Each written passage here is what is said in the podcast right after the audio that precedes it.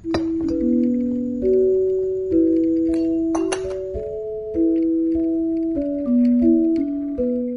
datang, selamat jumpa kembali di Ngopi Pahit. Kali ini kita akan berdiskusi terkait dengan perubahan nature atau perubahan state of the world yang dikaitkan dengan pandemi COVID-19. Mari kita akan berdiskusi terkait dengan pandemi COVID ini. Baik, rekan-rekan sekalian. Inilah eh, pandemi COVID itu, yaitu adalah kalau kita modelkan teori ekonomi, di dalam teori ekonomi, maka pandemi COVID itu sebenarnya adalah perubahan nature atau state of the world yang berubah drastis. Apa itu nature atau state of the world? Mari kita diskusikan di sini eh, bersama-sama. Rekan-rekan sekalian, saya akan tunjukkan ini kalau berapa ratus tahun sebelum Masehi, Sun Tzu sebenarnya sudah mendiskusikan tentang cara berpikir strategis. Jadi Sun Tzu mengatakan, kalau Anda mengetahui lawan Anda dan mengetahui diri Anda, maka 100 peperangan pun Anda tidak akan terkalah. Ya. Tetapi kalau anda tidak mengetahui lawan, tetapi Anda mengetahui diri sendiri. Dapat dimungkinkan Anda menang sekali, kalah sekali. Tetapi, jika Anda tidak mengetahui diri Anda dan tidak mengetahui diri lawan, maka dapat dipastikan Anda adalah orang yang kalah dalam peperangan. Rekan-rekan sekalian, 100 peperangan itu banyak. Tapi apa yang dikatakan Sun sebenarnya eh, di sana ada kebenaran yaitu adalah selama kita mengetahui diri sendiri dan mengetahui lawan, maka pada dasarnya kita kemungkinan bagi kita untuk kalah dalam peperangan itu sebenarnya adalah kecil.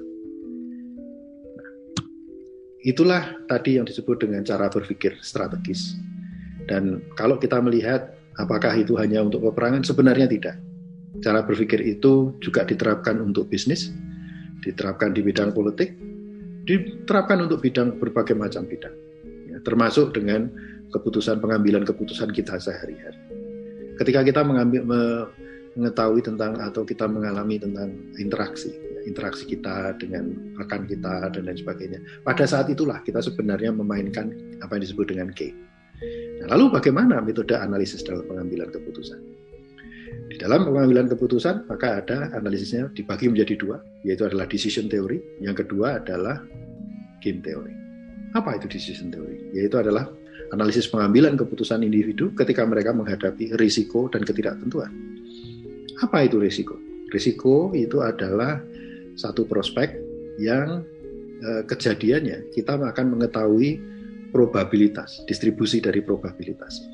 Misalkan lemparan koin ya satu buah koin maka kita akan tahu uh, apa munculnya head atau tail itu kira-kira adalah 50% 50%. Atau kita melempar dadu misalnya, maka kita akan tahu setiap mata dadu itu memiliki probabilitas seperenam. Nah, ini diketahui ya. Tetapi sebagian besar kehidupan kita itu kita tidak mengetahui probabilitasnya. Itu adalah itu disebut dengan ketidaktentuan, yaitu ketika suatu prospek itu kita tidak mengetahui berapa sebenarnya distribusi probabilitas. Jadi misalkan uh, kalau anda melihat uh, sepak bola, apakah anda tahu mana yang memiliki probabilitas apa berapa probabilitas suatu tim memenangkan atau bahkan misalkan Grand Prix Formula 1 atau juga MotoGP hari Sabtu itu adalah di pole, siapa yang ada di pole position misalkan apakah dipastikan hari Minggunya pasti akan menang kita tidak tahu. Nah, yang terakhir ada juga yang fenomena apa disebut dengan black swan. Jadi black swan ini adalah fenomena yang menarik yaitu adalah ketika orang uh, dulu orang di negara-negara maju tahunya adalah ya namanya black swan uh, namanya angsa itu putih sampai kemudian di Australia ditemukan ada angsa hitam baru orang tahu Nah ini hampir sama dengan apa yang disebut dengan misalkan kayak COVID ya, atau dulu yang 100 tahun lalu itu Spanish flu. Sebelumnya belum ada Spanish flu. Lalu kemudian 1917, 1918 muncul apa yang disebut dengan Spanish flu. Ya. Dan uh, sekarang kita berhadapan dengan COVID-19 ya, yang sebelum bulan Desember 2019 kita juga semua seorang sedunia juga tidak tahu bahwa akan muncul uh, penyakit seperti ini.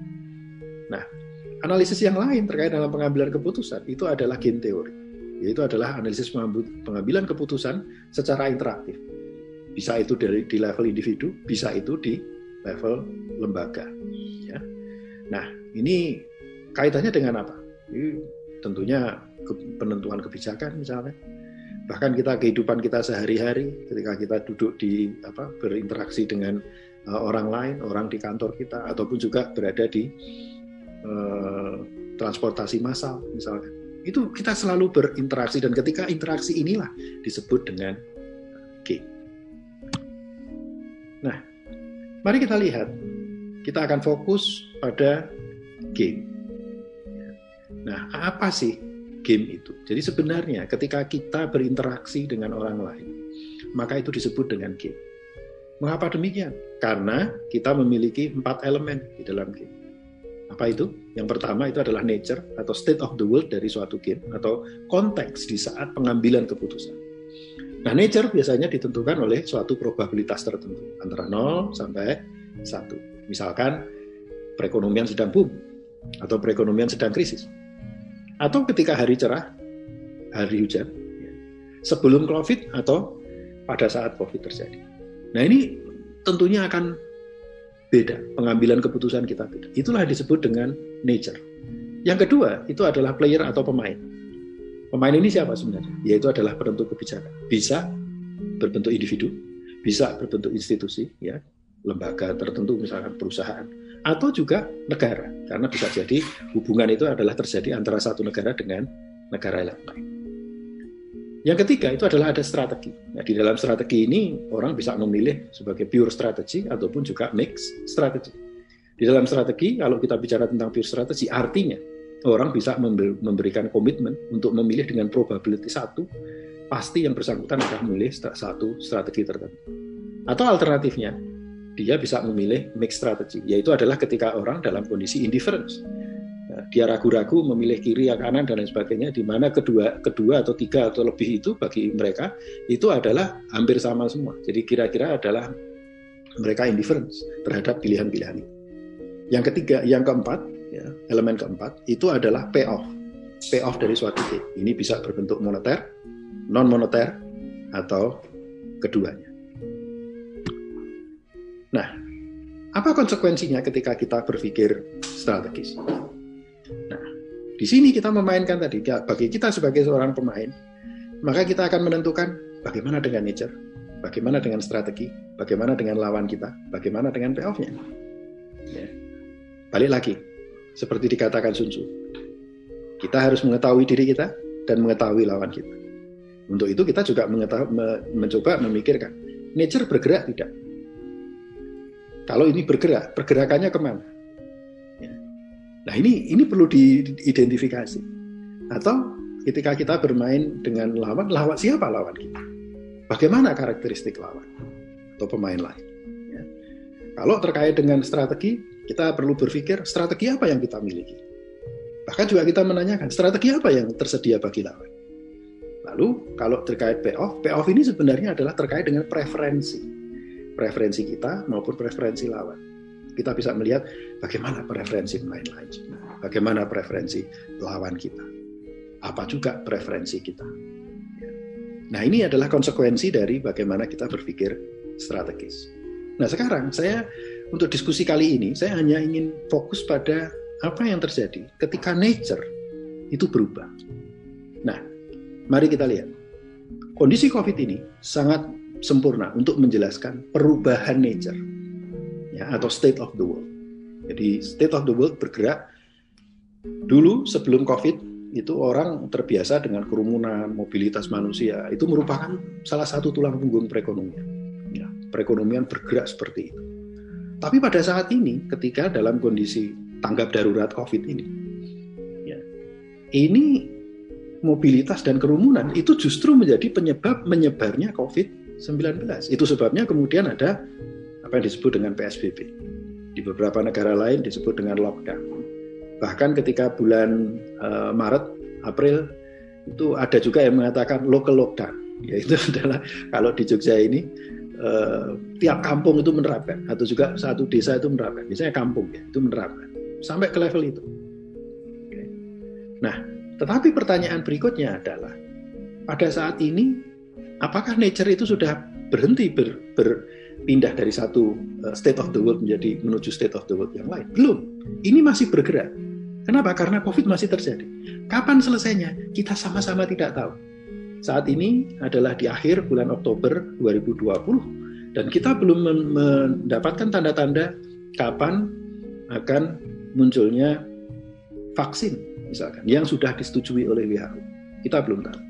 Pertanyaan berikutnya adalah, kalaupun toh vaksin nanti tersedia, seberapa cepat kemudian pemberian vaksinasi kepada masyarakat? Karena kita tahu di Indonesia kita memiliki 260 juta penduduk. Lalu selama itu apa yang perlu dilakukan? Apakah tetap dengan menggunakan 3M dan 3T? Ya.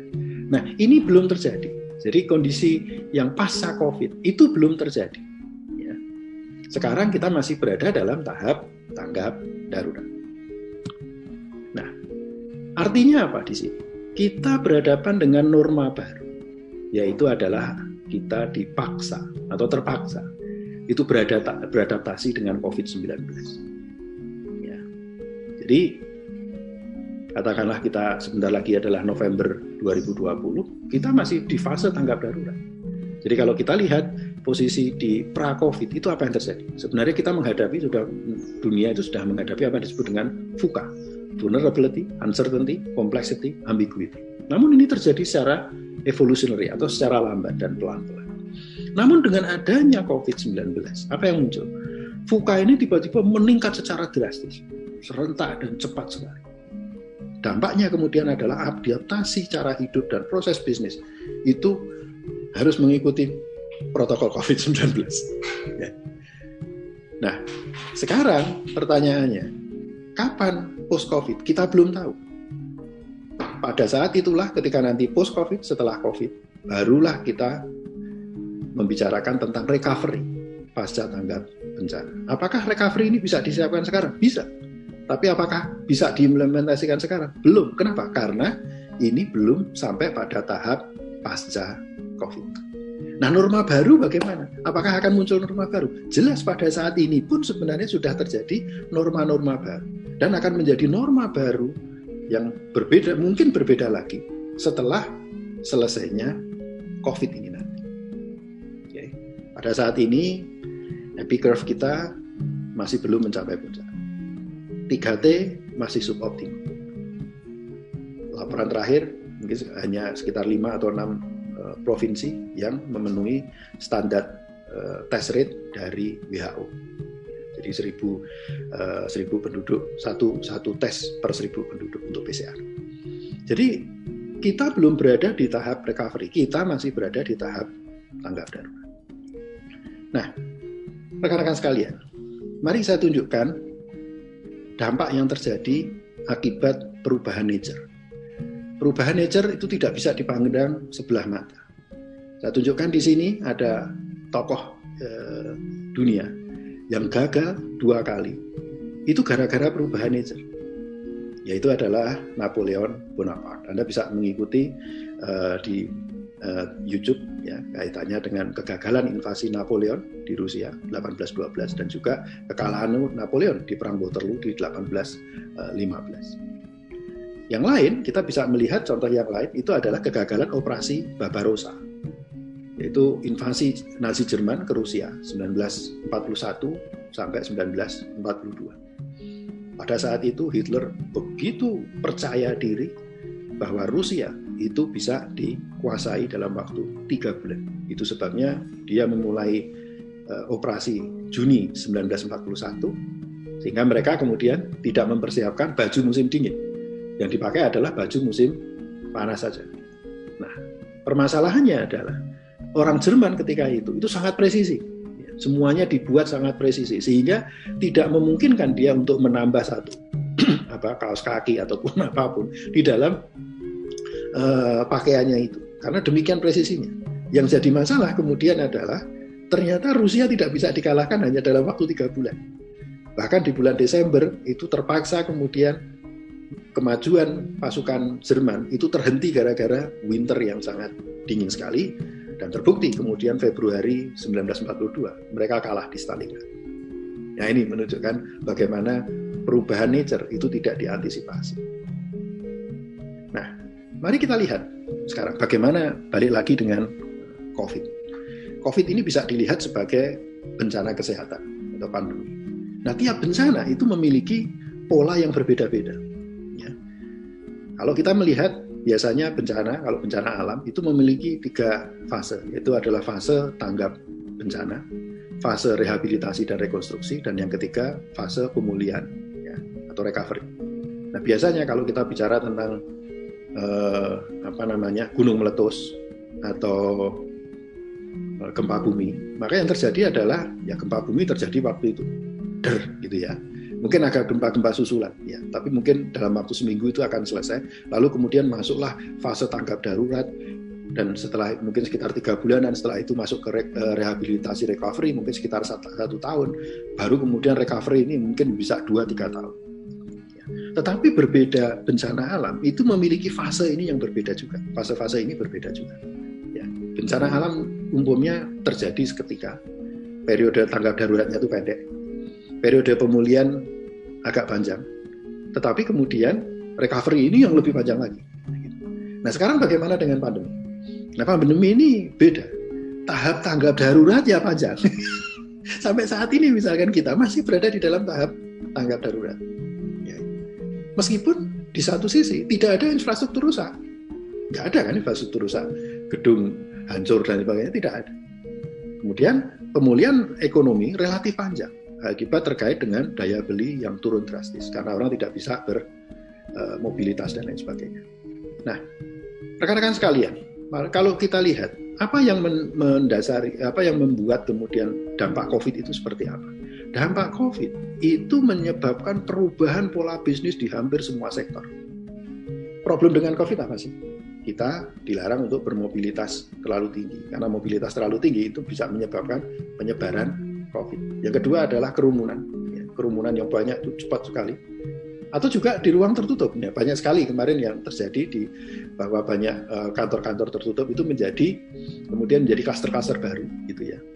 Nah lalu kita harus menerapkan apa? 3M, ya. atau disebut sering kali kalau teman-teman GBM itu mengatakan sebagai maskawi, gitu ya. Maskeran, ngadoh, ngije, gitu. Dan 3T. Nah 3T ini adalah Eh, pemerintah yang melakukan karena harus melakukan treatment, harus melakukan tracing ya, dan isolasi dan lain sebagainya. Nah ini harus dilakukan semua. Nah dampaknya apa kemudian di sini? Dampaknya adalah ke sektor real, ke sektor finansial dan sektor jasa finansial itu proses bisnisnya berubah total.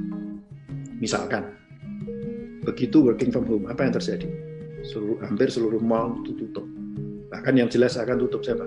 Bioskop ya karena berada di ruang tertutup menghindari kerumunan ini tertutup. Nah apa sih keuntungan? Ya kita merasakan masih keuntungan ya di di di covid ini yaitu apa? Tidak ada kerusakan infrastruktur. Berbeda dengan perang misalkan berbeda dengan gempa bumi atau uh, gunung berapi. Itu tidak ada kerusakan infrastruktur di sini. Dan ekonomi dapat bergulir dengan media yang baru. Misalkan dari transaksi fisik ke transaksi daring Nah ini banyak penyesuaian di sini. Ini terjadi karena apa tadi? Ingat, hanya satu. Nature-nya atau state of the world-nya bergerak. Itu sudah mengubah seluruh landscape bisnis. Rekan-rekan sekalian, apa yang akan kita hadapi sebenarnya? Ya, yang pertama adalah jelas akan terjadi kontraksi di sektor formal kalau ini berkepanjangan. Yang kedua adalah peningkatan sektor informal itu semakin tinggi seperti halnya yang terjadi di tahun krisis ekonomi di tahun 98. Ya. Aspek kelembagaan belum tentu akan berubah.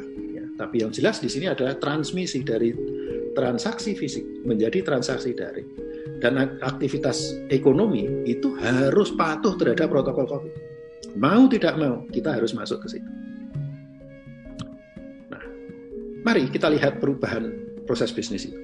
Ini yang menarik. Beberapa value itu sudah muncul berubah di sini. Jadi pandemi itu menggerakkan itu, itu tadi nature ya atau state of the world dan namun dia belum sampai pada saat ini dia belum sampai ke steady state yang baru. Nah problemnya apa? Hal yang dulu semasa sebelum COVID itu dianggap sebagai the dominant strategy, sekarang mungkin berubah menjadi the dominated strategy atau yang dulu adalah dominated strategy, sekarang menjadi the dominant strategy. Contohnya apa? Yang gampang saja. Yaitu sekarang kita akan jarak, sangat jarang sekali melihat orang cipika-cipiki kalau itu. Semua menggunakan namaste. Padahal dulu kalau kita menggunakan namaste, orang akan mengatakan, kenapa sih diajak salaman nggak mau? kenapa sih kok diajak cipika-cipiki nggak mau? gitu kan. Kalaupun toh kita uh, salaman sekarang ini kan pakai pakai apa namanya ini ya, pakai siku atau pakai uh, punggung tangan gitu. ya, itu pun juga jarang-jarang. Semua orang menggunakan masker. Nah, apa yang menarik di sini? Yang menarik adalah keju ternyata ada perubahan mendasar. Intinya adalah apa? Kejujuran dan transparansi justru sekarang sangat dibutuhkan. Beberapa waktu yang lalu ada seorang pasien masuk ke rumah sakit dan kemudian terbukti yang bersangkutan awalnya beliau tidak mengaku tapi kemudian terbukti bahwa yang bersangkutan ternyata terkena setelah dites terkena COVID.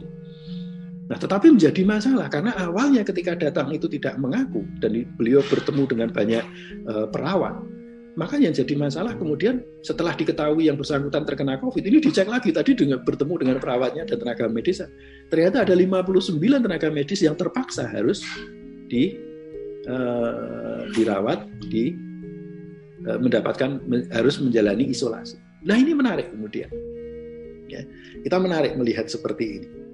Nah, lalu bagaimana juga tadi kebutuhan terhadap sains bagaimana? Ini semakin meningkat. Orang kemudian kita ingin belajar lagi apa yang terjadi 100 tahun yang lalu gitu. Apa yang perlu dilakukan. Nah, ini ini menarik. Tapi di sisi yang lain muncul juga empati dan jaringan sosial itu berkembang banyak. Oke. Nah, yang lebih menarik itu adalah di sektor usaha banyak terjadi adaptasi dan inovasi. Muncul bisnis-bisnis baru, muncul produk-produk baru. Karena apa? The power of kepepet tadi. Karena perubahan tadi, perubahan nature itu membuat orang terjepit dan kemudian keluar semua ide-idenya. Perubahan aktivitas ekonomi itu tidak terelakkan dan banyak terjadi reverse engineering. Ini di negara-negara maju terjadi. Jadi mereka mengubah pola produksinya. Bahkan di tempat kita pun juga banyak rekan-rekan yang dulunya uh, di garment tiba-tiba berubah memproduksi apa? APD. nah ini terus. Nah hal yang sama kemudian juga challenge bagi kita, terutama bagi rekan-rekan yang ada di birokrasi, yaitu adalah apa ya masih optimum ketika kita menggunakan key performance indicatornya penyerapan anggaran. Mengapa tidak kita langsung masuk saja ke key performance indicator outcome. Nah ini banyak pertanyaan-pertanyaan dan terjadi perubahan yang sangat uh, mendasar sekali akibat uh, nature yang berubah gara-gara tadi COVID-19 atau pandemi. Nah ini rekan saya Mas Ahmad Munjid dari uh, eh, FIB UGM. Beliau adalah antropolog dan beliau mengatakan ini yang menarik sekali norma yang akan terbentuk pasca COVID-19 ditentukan oleh norma mayoritas yang berkembang di masa COVID-19. Ini beliau katakan di uh, Sonjo Angkringan uh, seri keempat ketika itu kami mendiskusikan terkait dengan masalah COVID ini, seberapa panjang COVID dan lain sebagainya. Ada rekan-rekan epidemiologi dan juga ahli uh, public policy yang datang ketika itu. Ini sekitar bulan Mei 2000 sekitar bulan uh, ya Mei 2020. Nah, jika norma yang berkembang, ini menurut beliau ya, ketidakpercayaan terhadap sesama, anti sains, maka norma itulah yang berkembang pasca pandemi. Tapi jika empati, sinergi, transparansi, integritas dan mengikuti sains atau evidence based policy yang muncul, maka norma ini, norma di masa pandemi ini akan terbawa pasca pandemi nanti. Nah ini yang menarik bagi kita. Ini bagaimana kita mengembangkan norma-norma yang positif ini, value-value yang positif ini agar nantinya pasca pandemi itu tetap uh, berlanjut. Nah ini adalah pola jangka panjang ya dari norma lama ke norma baru. Ya, kita akan lebih banyak fokus ke outcome misalkan. Kita akan mengakui lebih mengakui uh, kelangkaan sumber daya. Kita mungkin akan memiliki sense of crisis yang tinggi Sementara selama ini kan kita seolah-olah semuanya serba ada, uh, orang tidak uh, menghargai waktu, tidak ada sense of crisis gitu ya. Nah, ke depan ini akan berubah, akan masuk kita akan lebih fokus pada kita memahami tentang kelangkaan sumber daya, kita memiliki sense of crisis, suka membantu, jujur atau transparan dan juga fokus pada orientasi outcome. Nah, pertanyaannya berikutnya adalah Apakah di sini bagaimana dampaknya terhadap kita semua? Tentu ada yang akan menjadi pemenang, namun juga ada pihak-pihak yang kalah. Nah, apa yang perlu dilakukan di sini? Apa yang membedakan antara pemenang dengan orang-orang yang kalah atau pihak-pihak yang kalah? Siapa yang kalah? Yaitu adalah mereka-mereka yang masih mempertahankan pola lama dalam berpikir. Misalkan myopic, berpikir dalam jangka pendek. Present biasness, lebih suka membobot kondisi sekarang itu lebih tinggi jauh lebih tinggi daripada masa depan. Status quo bias itu artinya kita tidak ingin perubahan, jadi berada dalam zona nyaman dan kita tidak ingin ada perubahan apa pun. Meskipun perubahan itu bisa jadi lebih baik daripada kondisi sekarang. Nah ini ini yang disebut dengan uh, status quo bias. Malas membaca, malas berpikir, anti sains dan orang yang egois. Itu mengapa egois menjadi masalah? Karena kita selama pandemi ini, pandemi ini merupakan apa? Merupakan the common enemy. Jadi ada sifat non-excludable dan non-rival di dalam pandemi ini. Siapa pun bisa terkena pandemi ini. Sehingga tidak logis kemudian kalau kita hanya berpikir untuk diri kita sendiri. Atau berpikir untuk diri kita dalam, eh, dan keluarga kita tanpa kita mau membantu tetangga kita atau membantu masyarakat di sekitar. Justru yang terjadi adalah kalau Anda ingin membantu diri Anda sendiri, kalau Anda ingin melindungi diri Anda sendiri, maka bantulah eh, tetangga dan juga masyarakat di sekitar Anda untuk menghadapi COVID bersama.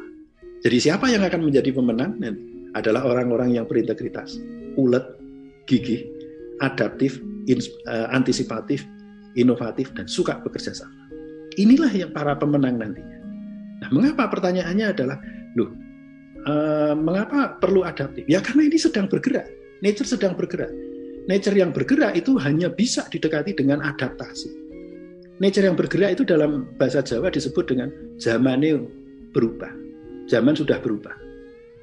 Jadi ini terjadi terkait dengan perubahan zaman. Kalau perubahan zaman, semua tren akan berubah. Apa yang bisa Anda lakukan? Beradaptasi. Nah, untuk bisa beradaptasi, Anda harus ulet, Anda harus gigi, Apalagi kalau sudah Anda yang satu lagi berpikir ya antisipatif. Wah ini menarik lagi. Dan untuk keuletan dan kegigihan itu diperlukan ketika Anda berpikir inovatif. Ya. Nah ini yang menarik. Dan pada dasarnya nanti suka bekerja sama dan berintegritas itu merupakan suatu kebutuhan untuk bisa uh, menjalin kerjasama. Jadi tanpa adanya integritas, Anda tidak akan mungkin mendapatkan kepercayaan atau trust. Jadi trust itu dasarnya adalah integritas dan transparansi. Dan untuk seperti itu hanya bisa dilakukan ketika Anda menginginkan kerjasama dari orang lain. Padahal dengan kerjasama dengan orang lain ini akan menurunkan effort kita. Karena kita akan membagi beban dengan sesama. Selamat datang di era baru, selamat datang di masa baru atau zaman baru. Mari kita berintegritas, ulet, gigih, adaptif, antisipatif, inovatif, dan suka bekerja sama. Dan semoga kita akan menjadi kelompok-kelompok yang memenangkan di masa pandemi ini. Terima kasih. Kita akhiri sekian. Wassalamualaikum warahmatullahi wabarakatuh. Terima kasih.